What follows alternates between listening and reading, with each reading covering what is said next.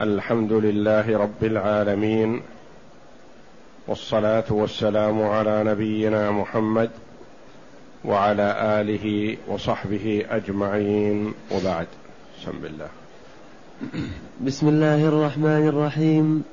الحمد لله رب العالمين والصلاة والسلام على أشرف الأنبياء والمرسلين نبينا محمد وعلى آله وصحبه أجمعين. باب دخول الخلاء والاستطابة. قال المؤلف رحمه الله تعالى وعن أنس بن مالك رضي الله عنه أن النبي صلى الله عليه وسلم كان إذا دخل الخلاء قال اللهم إني أعوذ بك من الخبث والخبائث. أعوذ بك من الخبث. اللهم إني أعوذ بك من الخبث والخبائث. هذا الحديث. رواه البخاري في كتاب الوضوء وفي باب ما يقال ما يقول عند دخول الخلاء وفي كتاب الدعوات باب الدعاء عند الخلاء ورواه مسلم وأحمد وابو داود والترمذي والنسائي وابن ماجه والدارمي وابن حبان وابو عوانه والبيهقي والبغوي وابن ابي شيبه. هؤلاء الأئمة رووا هذا الحديث فهو متفق عليه.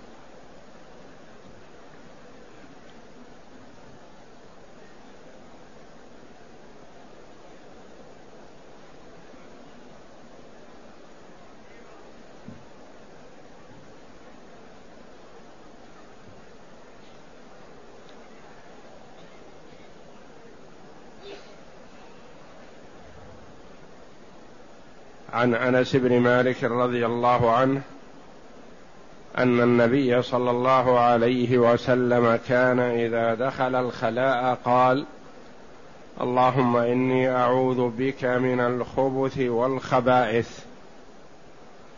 الخبث بضم الخاء والباء جمع خبيث والخبائث جمع خبيثة استعاذ من ذكران من ذكران الشياطين وإناثهم.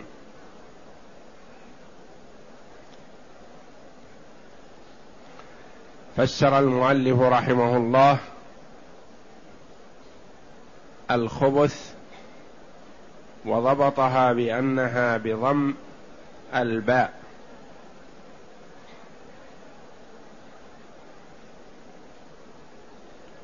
راوي الحديث هو أنس بن مالك ابن النضر ابن ضمضم ابن زيد بن حرام. أنصاري من بني النجار. خدم النبي صلى الله عليه وسلم عشر سنين. من حين قدومه صلى الله عليه وسلم المدينة إلى أن توفاه الله. وعمر وولد له أولاد كثيرون. يقال إنه ولد له ثمانون ولدا. ثمانية وسبعون ذكرا وأنثيان. هؤلاء أولاده.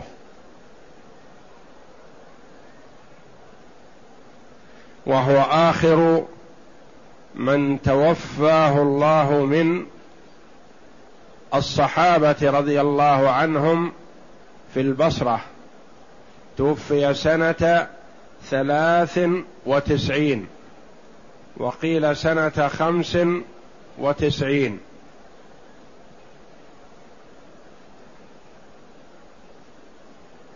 وكان عمره يوم يوم وفاته مئة وسبع سنين.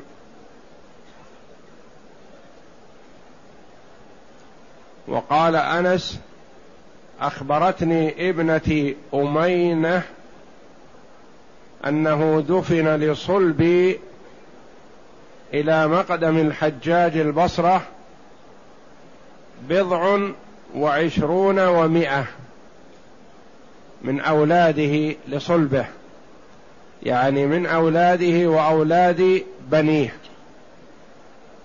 بضع وعشرون ومائه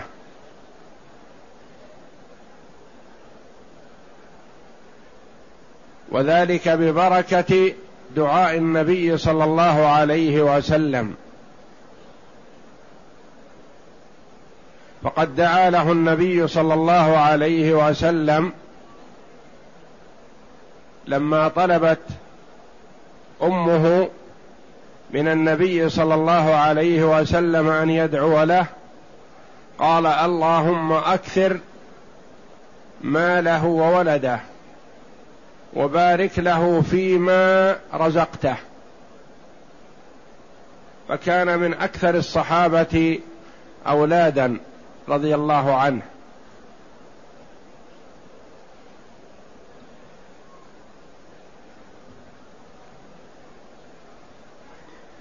قول المؤلف باب الاستطابة.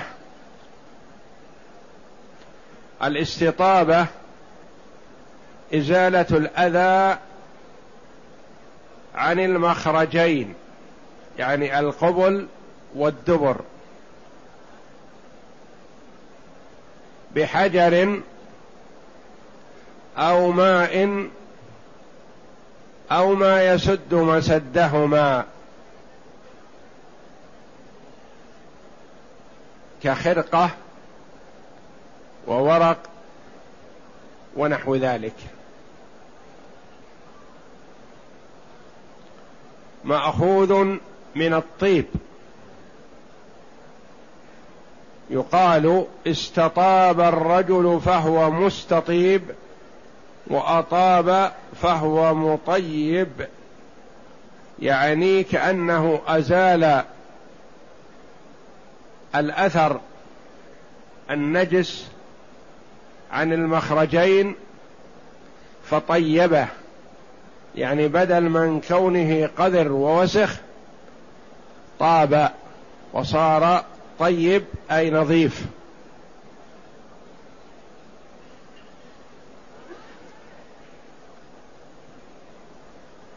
والخلاء بالمد. المكان الأصل المكان الخالي.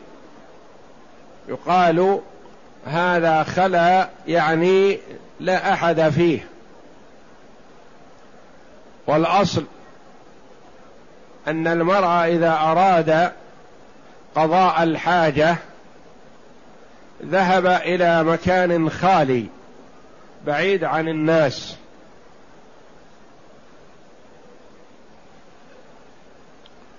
ثم تجوز فيه وأصبح كل مكان يعد لقضاء الحاجة يقال له خلا. وإلا فالأصل الخلا المكان الخالي. ولما كان الناس يقضون حاجتهم من بول أو غائط في المكان البعيد عن الناس وكثر استعمال قضاء الحاجة في الخلاء أصبح كل مكان يقضى فيه تقضى فيه الحاجة يسمى خلاء وإن كان داخل البيوت.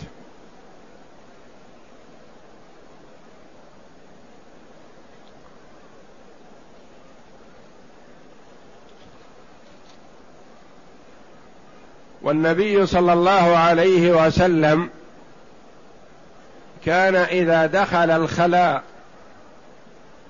قال هذا القول اللهم إني أعوذ بك من الخبث والخبائث. وكان صلى الله عليه وسلم يسمع من حوله هذا الدعاء. اولا اظهارا للعبادة لله جل وعلا وتعليما لمن حوله لأجل أن يؤخذ عنه عليه الصلاة والسلام.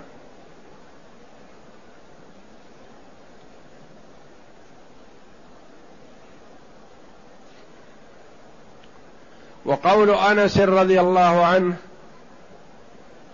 إذا دخل الخلاء قال إذا دخل ظاهره أنه إذا دخل مكان قضاء الحاجة قال هذا القول.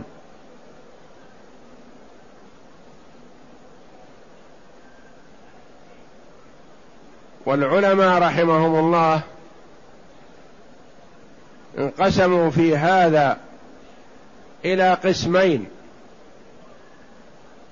منهم من يرى جواز ذكر الله في مكان قضاء الحاجة سواء كان في الخلاء أو في البنيان. والحديث هذا صريح في الدلالة على هذا القول. لأن أنس رضي الله عنه يقول كان إذا دخل الخلاء إذا دخل قال هذا القول. فقالوا لا بأس بالذكر بعد دخول مكان قضاء الحاجة لهذا الحديث.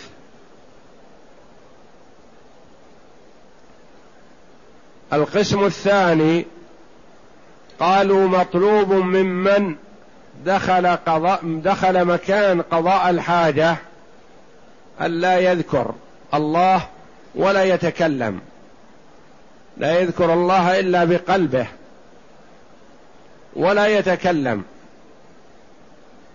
لأن الله جل وعلا يمقت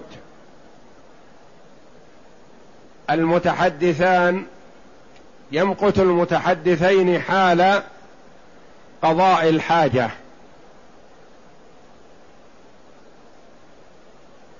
نقول ماذا تقولون في هذا الحديث؟ إذا دخل الخلاء قال اللهم إني أعوذ بك من الخبث والخبائث. قالوا نعم. هذا له نظائر. إذا دخل أي إذا أراد الدخول. إذا أراد الدخول. وله نظائر في القرآن. كما في قوله تعالى فإذا قرأت القرآن فاستعذ بالله من الشيطان الرجيم. ليس المراد أنك إذا قرأت تتوقف ثم تستعيذ بل المراد إذا أردت القراءة. فاستعذ من الشيطان حتى لا يشغلك عن قراءتك.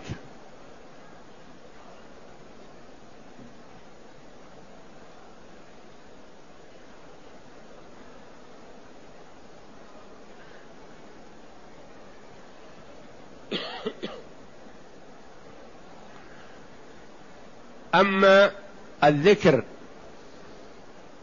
في الخلاء غير المعد لقضاء الحاجة فهذا لا إشكال فيه بأن يذكر الله إذا هيأ نفسه للجلوس لقضاء الحاجة فيذكر الله يسمي ويقول أعوذ بالله من الخبث والخبائث.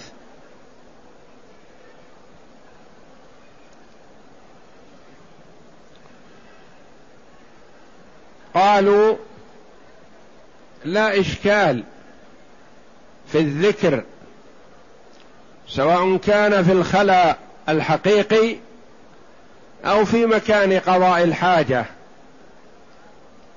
لأن قول أنس رضي الله عنه.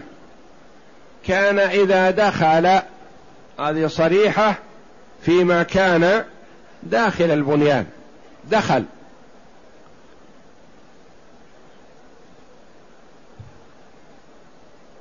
وهي لما كان داخل البنيان أليق بما إذا كان في الفضاء. أنه قال إذا دخل الخلاء. دخل والدخول من باب من شيء مهيئ لذلك.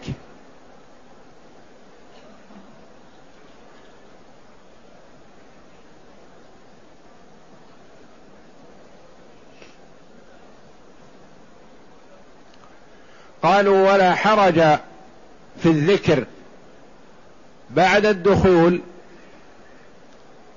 لما يقصد من هذا الذكر.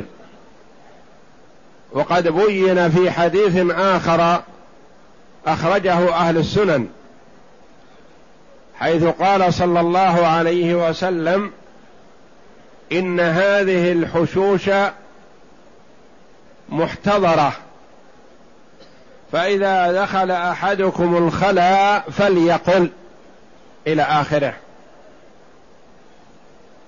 محتضرة. يعني تحضرها الشياطين والجن.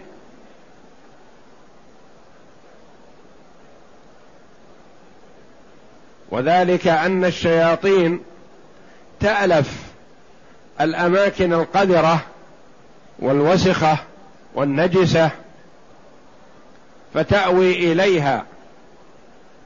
والمرء محتاج في هذه الحال إلى أن يكشف عورته. فيستعيذ بالله منهم ومن شرهم.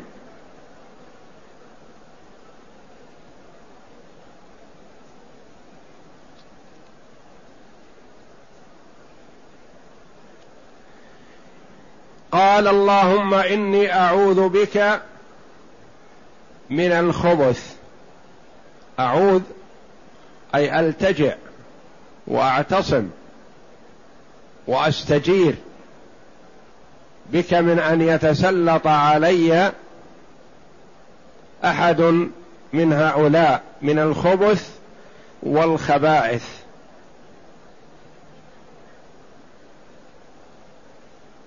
والخبث ضبطت بضم الخاء والباء. خبث وقد تسكن الباء. وللعلماء في تسكينها قولان. قال بعضهم المعنى واحد مع الضم أو التسكين. المراد بالخبث ذكران الشياطين. يعني خبث جمع خبيث.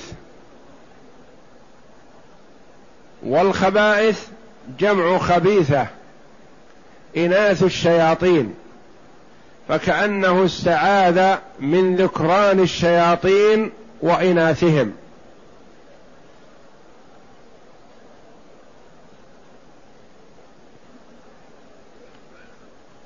وإذا سكنت الباء أعوذ بك من الخبث والخبائث. الخبث قال بعضهم المعنى واحد ولا يختلف وإنما سكنت الباء تخفيفا وإلا فالمراد بها الخبث وتسكن تخفيفا. ولهذا نظائر مثل قولك الكتب. كتب. هذا هو اللفظ الصحيح. لكن كثيرا ما يأتي على الألسنة كتب. سكن الباء تخفيفا وأنت تريد ما كان على وزن فعل من جمع.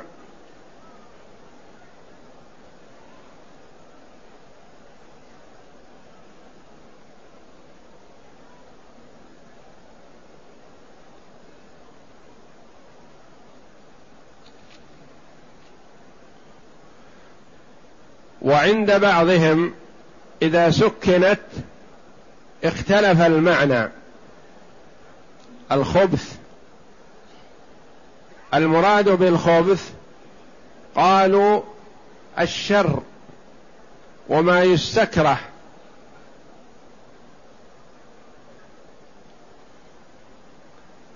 كل ما يستكره يقال له خبث. نعم. قلنا الخبث ما يستكره. الخبائث في الحديث هل المراد بها إناث الشياطين؟ إذا قلنا هذا ما انتظم المعنى؟ كأنه استعاذ من الشر ومن إناث الشياطين ولم لم يستعذ من ذكورهم. إذا نقول المراد بالخبث الشر والخبائث المعاصي والذنوب.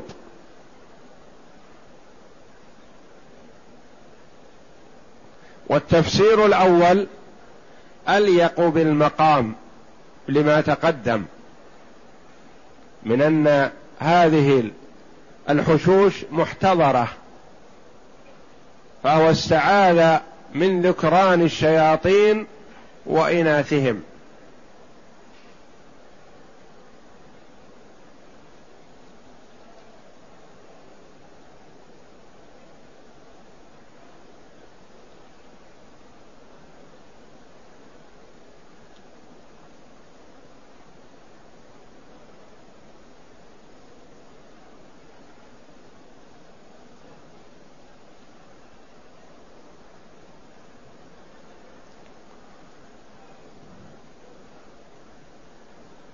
وقوله الخبث والخبائث إذا قلنا ذكران الشياطين واناثهم لو عبر بالخبث فقط لشمل الذكر والأنثى من الشياطين لأن إناث الشياطين يدخلن تبعا كما تدخل الإناث في خطاب الرجال من الإنس.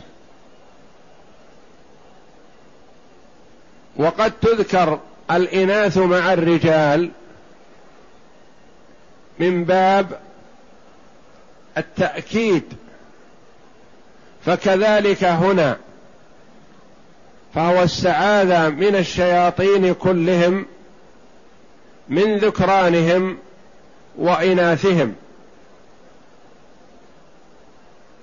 وحرز ما بين الإنس والشياطين الاستعاذة بالله جل وعلا.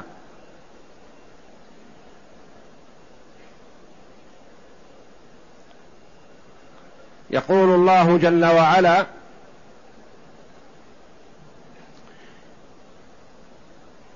ادفع بالتي هي أحسن فإذا الذي بينك وبينه عداوة كأنه ولي حميم.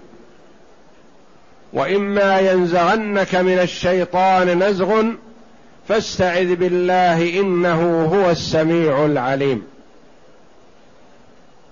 فالاعداء من الإنس والجن كيف يتخلص المرء من شرهم.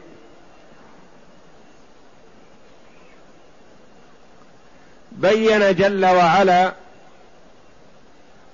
أن الانسي ممكن مصانعته ممكن إعطاؤه ما تكتفي به شره.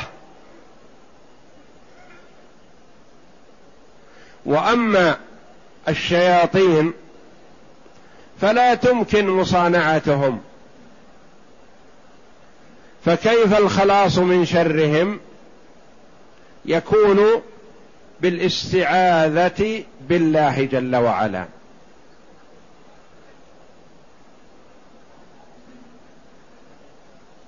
الشقي من الإنس ممكن تعطيه عطية أو تهدي له هدية تداريه فتسلم من شره.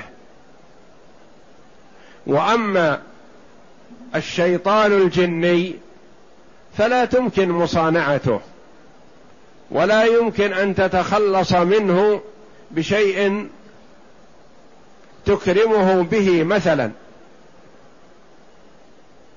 وإنما ممكن الخلاص منه بالالتجاء إلى الله جل وعلا وطلب الخلاص ممن يملك ذلك وهو الله جل وعلا. فتستعيذ بالله من الشياطين وتماري وتداري شيطان الإنس. وفي هذا الحديث وأمثاله من الأحاديث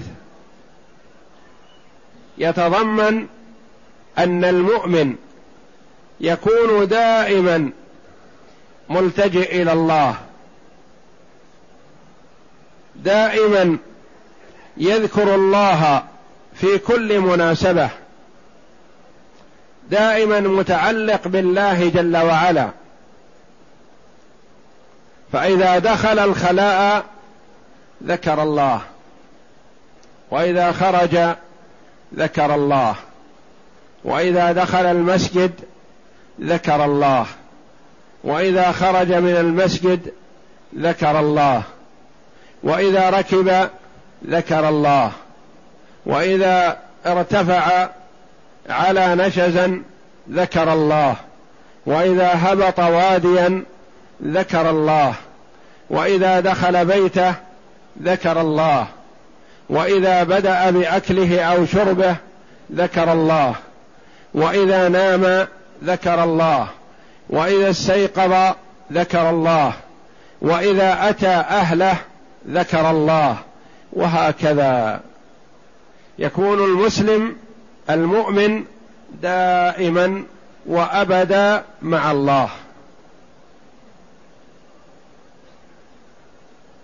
والموفق الذي عود نفسه على ذلك تجده يؤدي هذا الذكر بدون مشقة وبدون كلفة وبدون اهتمام أو تحصيب بل يكون عود نفسه على هذا. فإذا دخل المسجد قدم رجله اليمنى وذكر الله ولو كان بجواره شخص يتحدث معه. وإذا خرج فكذلك. وهكذا عند مناسبات ذكر الله جل وعلا أن يعود المؤمن نفسه على ذلك ويواظب عليه. فإذا واظب عليه وقتا من الأوقات كافيا استمر عليه بإذن الله. وأصبح اعتاد هذا الشيء وصار تلقائيا معه بدون أن يحسب له حساب.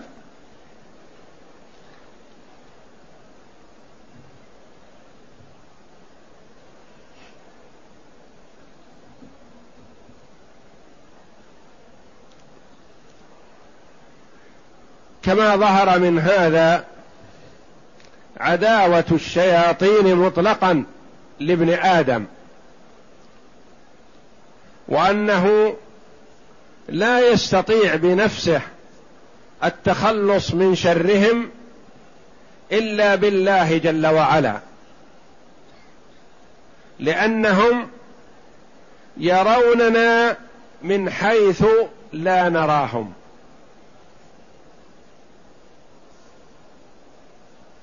ومن لم يحمه الله من شرهم تسلطوا عليه ولا يستطيع أن يعمل نحوهم شيء. وإنما المرء يفوض الأمر إلى الله جل وعلا ويلتجئ إليه للتخلص من شر الشياطين. والشياطين يتسلطون على ابن آدم. وتجدهم كثيرا ما يتسلطون على أهل المعاصي وأهل الكبائر لأنهم يجدون منفذا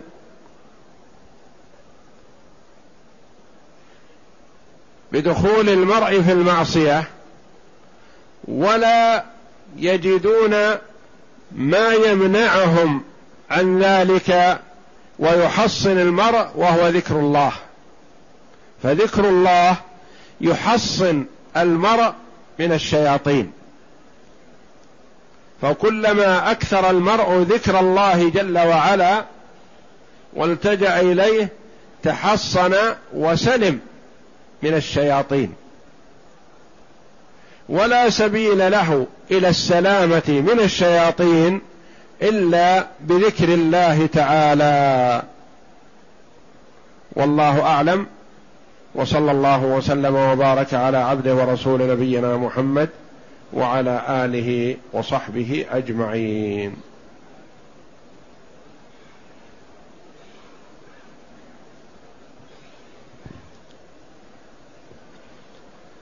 واستجابة لرغبة الإخوة أو بعضهم نتوقف بالسير في عمدة الأحكام من مبدأنا الذي بدأنا به ونبدأ إن شاء الله الدرس القادم يوم الأحد القادم في كتاب الحج. إن شاء الله. ثم نعود إن شاء الله بعد الحج إلى ما وقفنا عليه.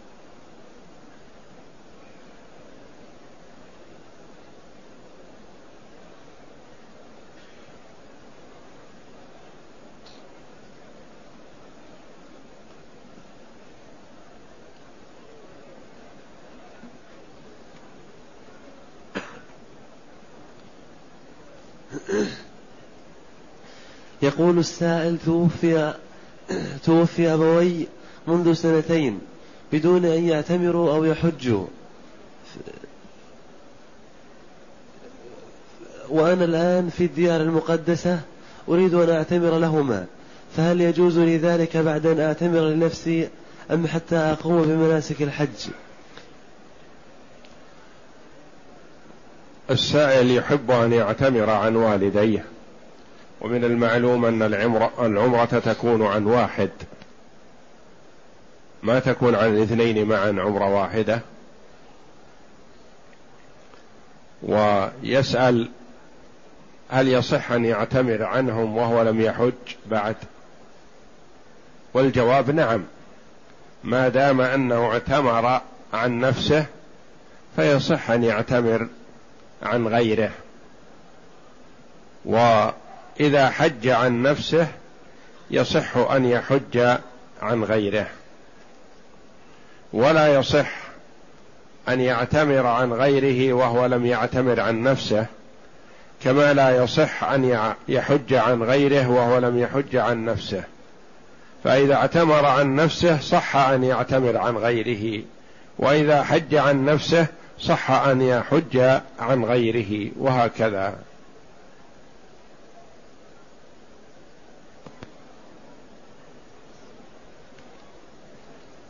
يقول السائل هل يجوز أخذ بدل حجة ثم يعطى لغيره بدون أن يعلم صاحب المال؟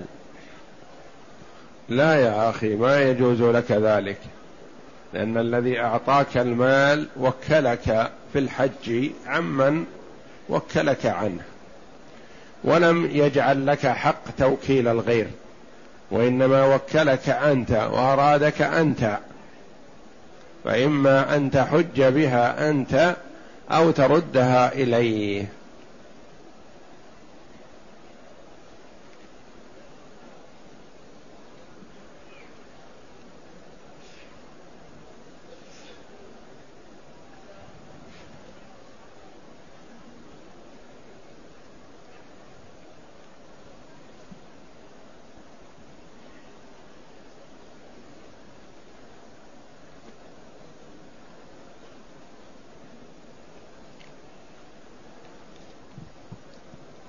يقول السائل هل يجوز لي أن أرمي عن أمي الجمرات الثلاث في اليوم الثالث بعد الزوال وهي تنزل مع أختي لتطوف طواف الإفاضة بعد الزوال؟ وهل يجزئهما هذا الطواف عن طواف الوداع؟ اولا يصح لك أن ترمي عن أمك إذا كان يشق عليها الرمي ولا تستطيع أو ينالها مشقة في ذلك. فترمي عنها. وإذا أردت أن ترمي عنها فلا حرج عليها أن تنصرف من منى قبل الزوال. وطواف الإفاضة وقته من يوم العيد إلى وقت المغادرة. لكن إذا أردت أن تكتفي أمك بطواف الإفاضة عن طواف الوداع فلا بد أن يكون هذا الطواف بعد استكمال مناسك الحج يعني بعد رمي الجمار. فمثلا لا يصح أن يكون طوافها للإفاضة الذي يراد الاكتفاء به عن طواف الوداع لا يصح أن يكون قبل رمي الجمار.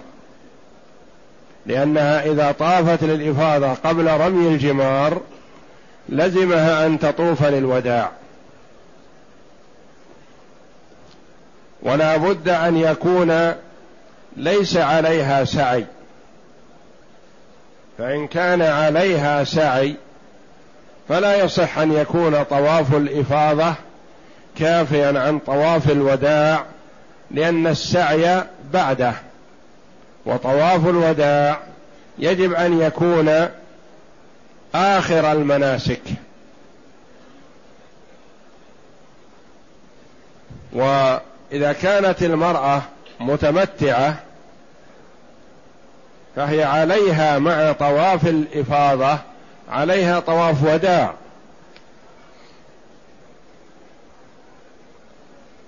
وأما إذا كانت قارنة أو قادمة مفردة بالحج وطافت طواف وسعت سعي الحج بعد طواف القدوم فلا بأس. بخلاف المفردة المقيمة بمكة فهذه لا بد أن يكون سعيها بعد طواف الإفاضة.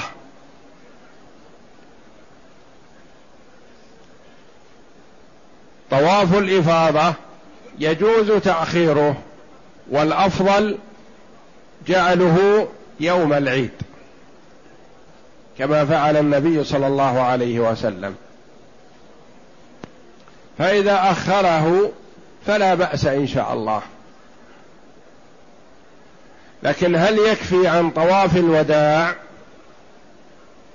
إذا كان السفر بعده فيكفي عن طواف الوداع بشرط أن تكون النية لطواف الإفاضة والوداع يدخل تبع ولا تكون النية طواف الوداع فلا يكفي عن طواف الإفاضة وبشرط أن يكون لم يبق عليه شيء من المناسك. لم يبق عليه رمي. لم يبق عليه سعي. فيكفي طواف الإفاضة عن طواف الوداع.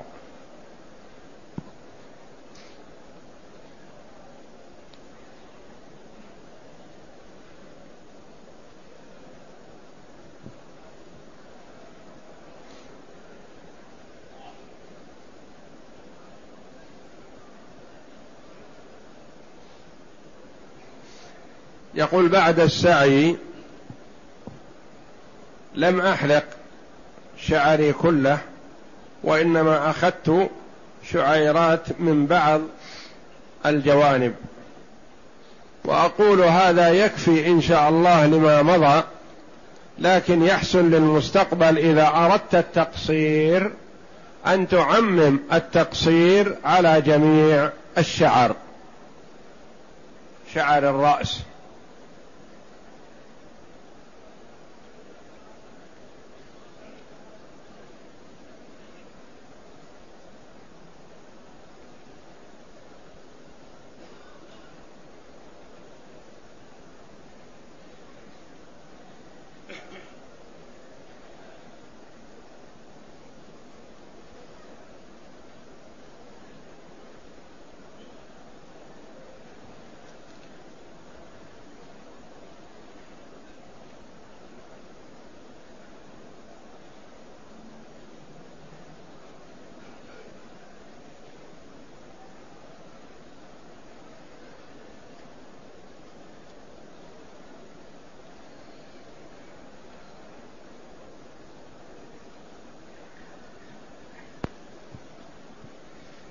يقول السائل عند أخي مزرعة تحتاج إلى إصلاح؟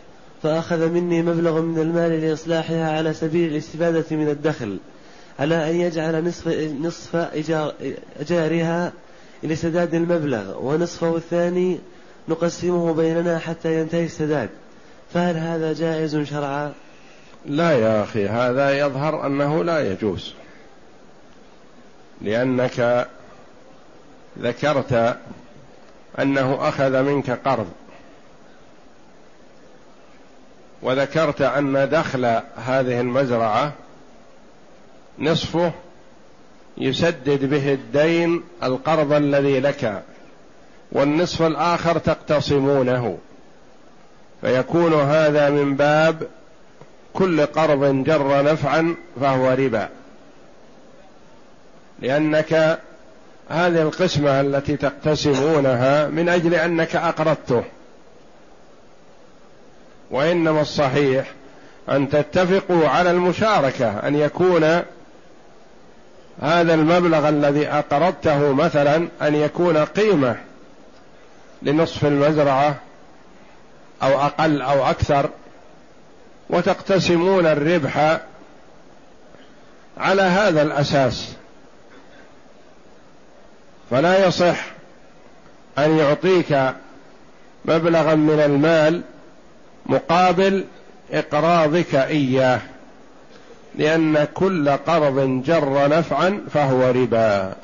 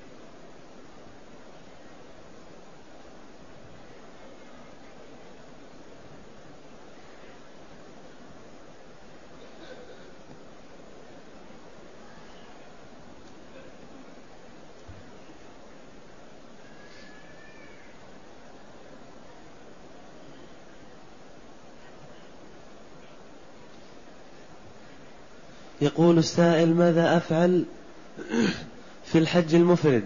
ومتى أتطيب؟ ومتى أحرم؟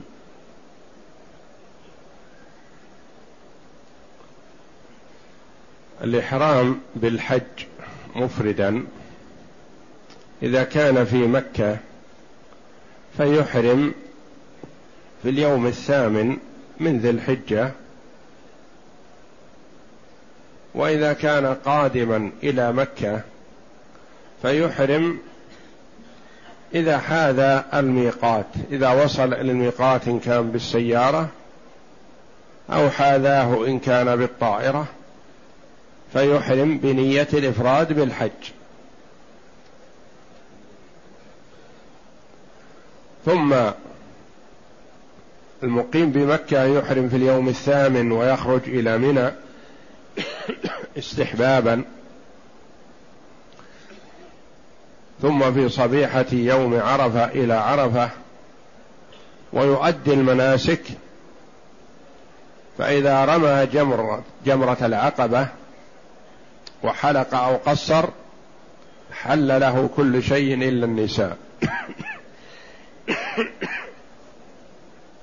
وإذا طاف طواف الإفاضة وسعى بعد ذلك حل له كل شيء حتى النساء.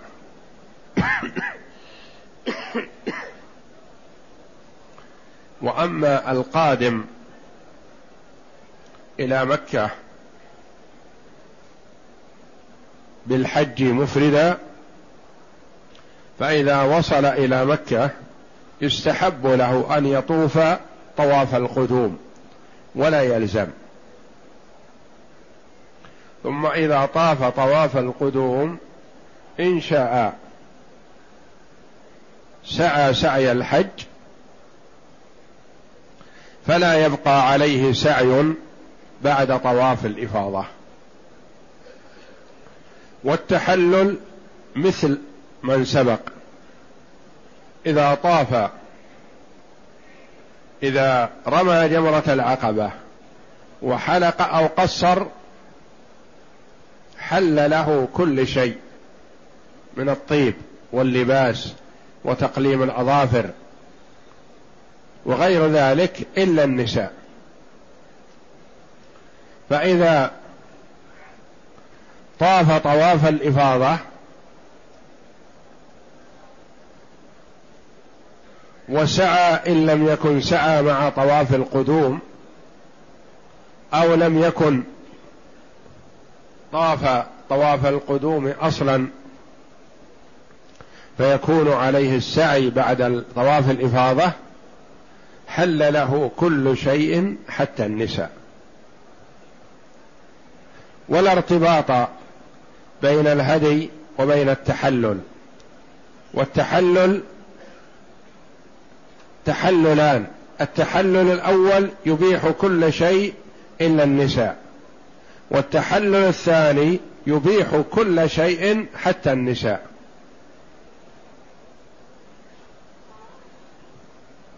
والتحلل يحصل بأفعال يوم العيد. رمي جمرة العقبة والحلق والتقصير وطواف الإفاضة مع السعي. فإذا فعل اثنين من هذه الثلاثة حل له كل شيء إلا النساء. وإذا فعل الثالث مع السعي إن كان عليه سعي حل له كل شيء حتى النساء. والاستحباب في ترتيب هذه الأفعال برمي جمرة العقبة ثم الذبح إن كان عليه هدي. ثم الحلق والتقصير. ثم الطواف والسعي إن كان عليه سعي.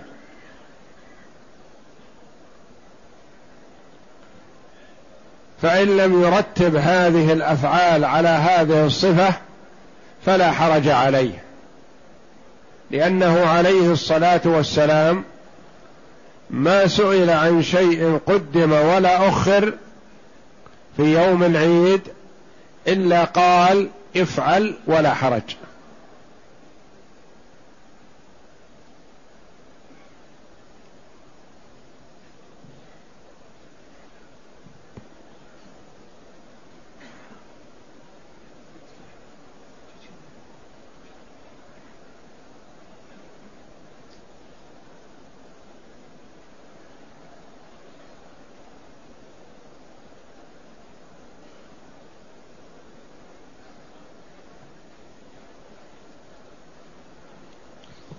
يقول السائل هل تجوز الأجرة في تغسيل الأموات؟ وما الحكم في ذلك؟ الأفضل الاحتساب في هذا. فإذا لم يوجد محتسب فلا حرج على الناس أن يستأجروا من يغسل موتاهم. لأن تغسيل الأموات من القرب فإذا وجد المحتسب فهو أفضل.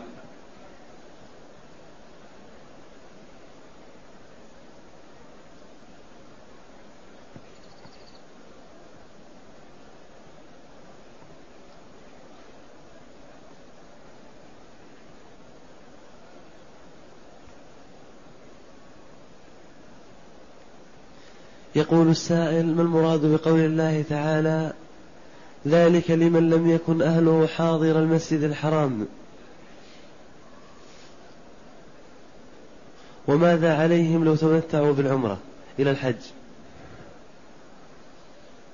المتمتع بالعمرة إلى الحج والقارن بين الحج والعمرة عليهم هدي يذبح في يوم العيد وثلاثة أيام بعده. وهذا هدي شكر لله جل وعلا. يأكل منه ويتصدق ويهدي. حكمه حكم الأضحية.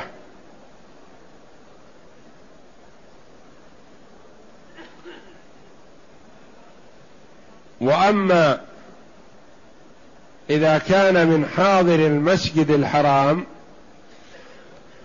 فلو كان متمتعا أو قارنا فليس عليه هدي.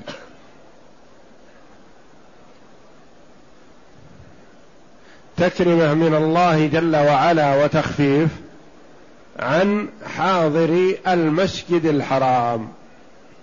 ليس عليهم هدي في حال التمتع ولا في حال القران.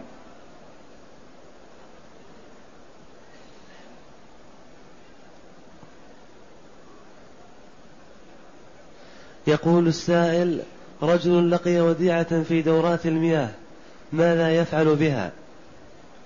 يسلمها لمن يحفظ الضائع لأهله.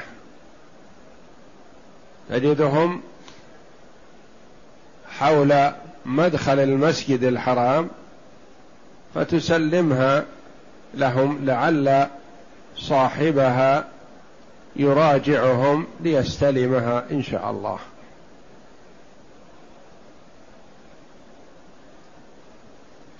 يقول السائل هل الاستياك يكون باليد اليمنى أم اليسرى؟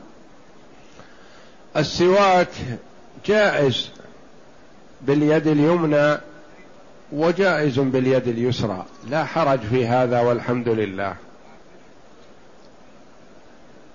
بعض العلماء استحبه باليمين لأنه طاعة وقربة. وبعض العلماء استحبه باليسار لأنه من إزالة الرائحة الكريهة. بعض العلماء قال يستحب إذا كان عند الصلاة أن يكون باليمين لأنه طاعة وقربة لله. وأما في حال الاستيقاظ من النوم وتغير رائحة الفم فيستحب باليسار لأنه من إزالة الرائحة الكريهة. ولا حرج والحمد لله. تسوكت باليمين أم بالشمال المهم أن تواظب على السواك.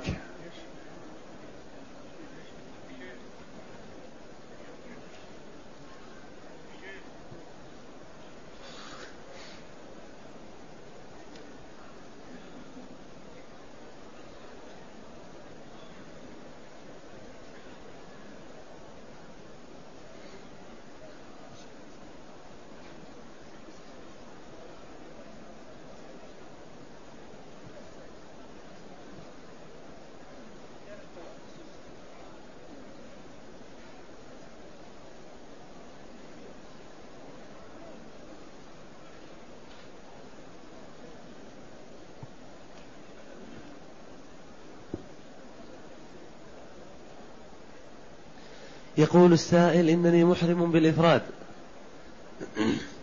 وأريد بعض المزاورات الموجودة خارج مكة مثل جبل النور ومنى وغار ثور وغيرها وجبل عرفة.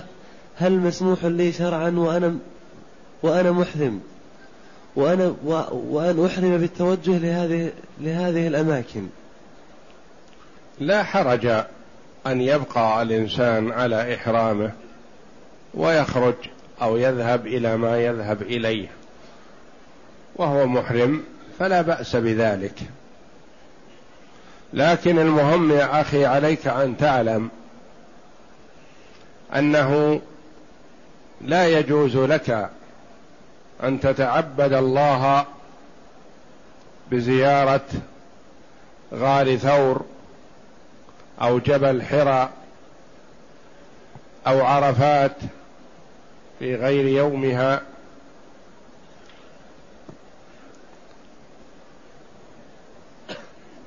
فلا نعبد الله جل وعلا إلا بما شرعه لنا نبينا محمد صلى الله عليه وسلم. أما الذهاب إلى هذه الأماكن من أجل الاطلاع عليها فقط كما تخرج مثلا لترى شيئا ما من الأمور العادية فلا حرج عليك في ذلك. تقول مثلا أريد أن أتقرب إلى الله جل وعلا بزيارة غار حراء. نقول لا هذا لا يجوز لأن الله جل وعلا لم يتعبدنا بذلك. تقول أنا أحب أن أطلع وأرى غار حراء الذي كان فيه النبي صلى الله عليه وسلم يتعبد. من باب الاطلاع نقول لا حرج عليك. تقول أريد أن أتقرب إلى الله بزيارة عرفات ومنى ومزدلفة في هذه الأيام. نقول لا يجوز لك ذلك. هذا بدعة ولا يجوز. تقول أريد أن أطلع على عرفة وهي خالية من الناس أو أريد أن أطلع على منى وأعرف الجمرات واحدة واحدة مثلا حال كونها خالية من الناس. أريد أن أعرف مزدلفة حال خلوها من الناس حتى لا أقع في الخطأ إذا جئت إليها في وقت الحج. نقول لا بأس عليك في ذلك. ما دام هدفك الاطلاع لا بأس. فرق بين العبادة في شيء لم يتعبدنا الله به. ما يجوز. خرجت للاطلاع والرؤية لا حرج عليك. لا نمنعك ولا بأس عليك أن تخرج للتعرف على منى ومزدلفة وعرفة والأماكن المقدسة والتي هي مشاعر للحج. للاطلاع لا للعبادة لا بأس.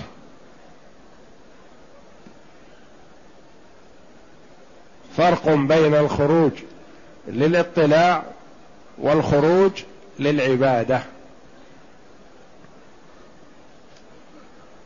بعض الناس يجهل فيظن أن زيارة الأماكن التي لم يشرعها الله جل وعلا ولا رسوله صلى الله عليه وسلم عبادة لله وهذا لا يجوز. كمن يذهبون لمزارات تقربا إلى الله كما يقولون نزور المساجد السبعة في المدينة. نزور كذا نزور كذا. لا. نعم نخرج لزيارة مسجد قباء لأن الله جل وعلا تعبدنا بذلك على لسان رسوله صلى الله عليه وسلم. إذا كنا في المدينة نخرج لزيارة مسجد قباء. عبادة لله. إذا كنا في المدينة نخرج لزيارة قبور الصحابة في البقيع وقبور الشهداء في أحد. نعم. هذا عبادة لله. نخرج من المدينة لزيارة المساجد السبعة. تقربا إلى الله. نقول لا يجوز. هذا لم يشرع. فمن تحقيق شهادة أن محمدا رسول الله الا نعبد الله إلا بما شرع. ألا نعبد الله إلا بما شرعه الرسول صلى الله عليه وسلم.